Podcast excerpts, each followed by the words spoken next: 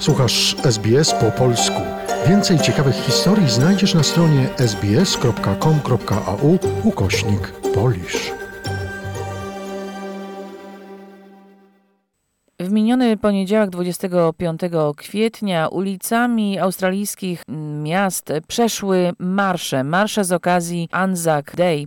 W Sydney również przeszedł anzakowski marsz. Tradycja powróciła po przerwie spowodowanej pandemią COVID-19. W sydnejskim Marszu Anzakowskim uczestniczył pan Piotr Pokorski. Witam pana serdecznie. Witam panią i witam państwa.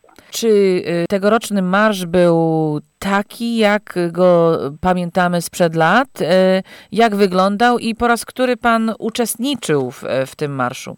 W marszach Anzac Day staram się brać udział od kilkunastu lat.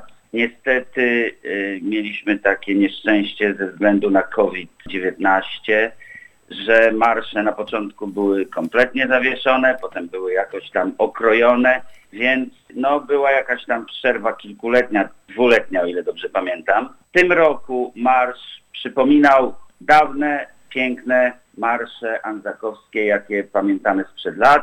Było bardzo dużo ludzi, było ciepło, była piękna pogoda, deszcz nie padał, chociaż był zapowiadany, więc mieliśmy dużo szczęścia. A jak wyglądała polska grupa, polski kontyngent, który maszerował jak co roku w Anzakowskim Marszu? Polska grupa była dość liczna, bo licząca ponad 30 osób. Koordynował ją pan Stanisław Żak, przewodniczący Stowarzyszenia Polskich Kombatantów, koła numer 1 w Sydney. Obecni byli również między innymi dr Ryszard Dzierzba, który ostatnio został awansowany do stopnia porucznika Wojska Polskiego. Był także wiceprezes koła SPK, pan Lech Gade. Jak zwykle pan Maciej Jarysz, sekretarz koła, zorganizował transport dla naszego najstarszego kombatanta, pana Jerzego Żelazowskiego, który jest powstańcem warszawskim i żołnierzem wyklętym. Obecni byli również harcerze i harcerki z chówców Polesie i Kraków, którym przewodniczyła druhna Marysia Nowak. Naszą grupę dopełniali rodzice harcerzy, potomkowie kombatantów, którzy odeszli na wieczną wartę i publiczność. A jak osoby zebrane, które obserwowały marsz, witały polską grupę? Jak was przyjmowali? Więc Polacy maszerowali ze sztandarami AK i SPK oraz z banerem upamiętniającym szlak bitewny polskich sił zbrojnych od roku 1939 do 1945.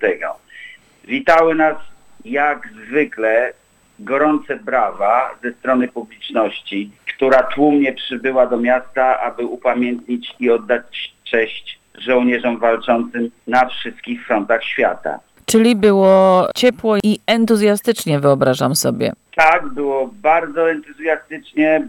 Zawsze jesteśmy bardzo serdecznie. Polacy są bardzo serdecznie witani.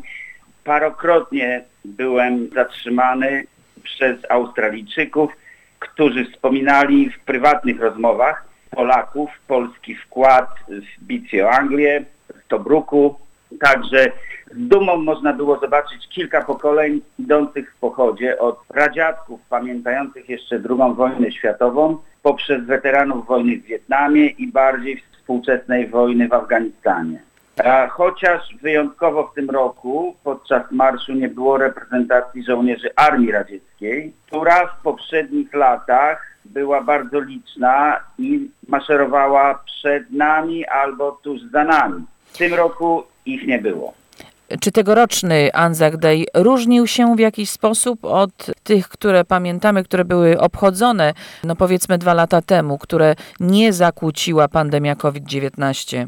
Myślę, że nie, nie różnił się, ponieważ właśnie był taki, jaki go pamiętam sprzed trzech lat, gdzie była ładna pogoda, było bardzo kolorowo, było wesoło, dużo młodzieży, dużo rodzin, dużo ludzi z całego świata. Byli Górkowie, Hinduscy w swoich turbanach, byli Szkoci, którzy jak zawsze prezentowali się bardzo kolorowo i muzycznie, a wszyscy żołnierze od piechoty do marynarki wojennej maszerowali dostojnie, zbierali zasłużone owacje.